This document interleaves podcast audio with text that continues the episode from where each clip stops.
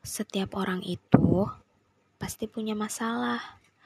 Mau dia masih kecil, remaja, dewasa, orang tua, pasti punya masalah.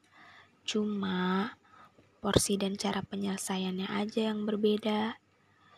Kita nggak boleh berpikir untuk mau pergi aja, mau hilang aja, karena masalah itu dihadapin, bukan malah ditinggalin.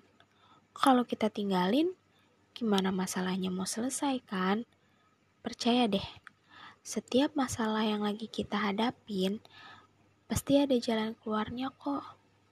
Yuk, kita hadapin masalah kita. Jangan berlarut-larut dalam kesedihan. Aku yakin kita semua bisa melewati masalah kita masing-masing kok. Semangat!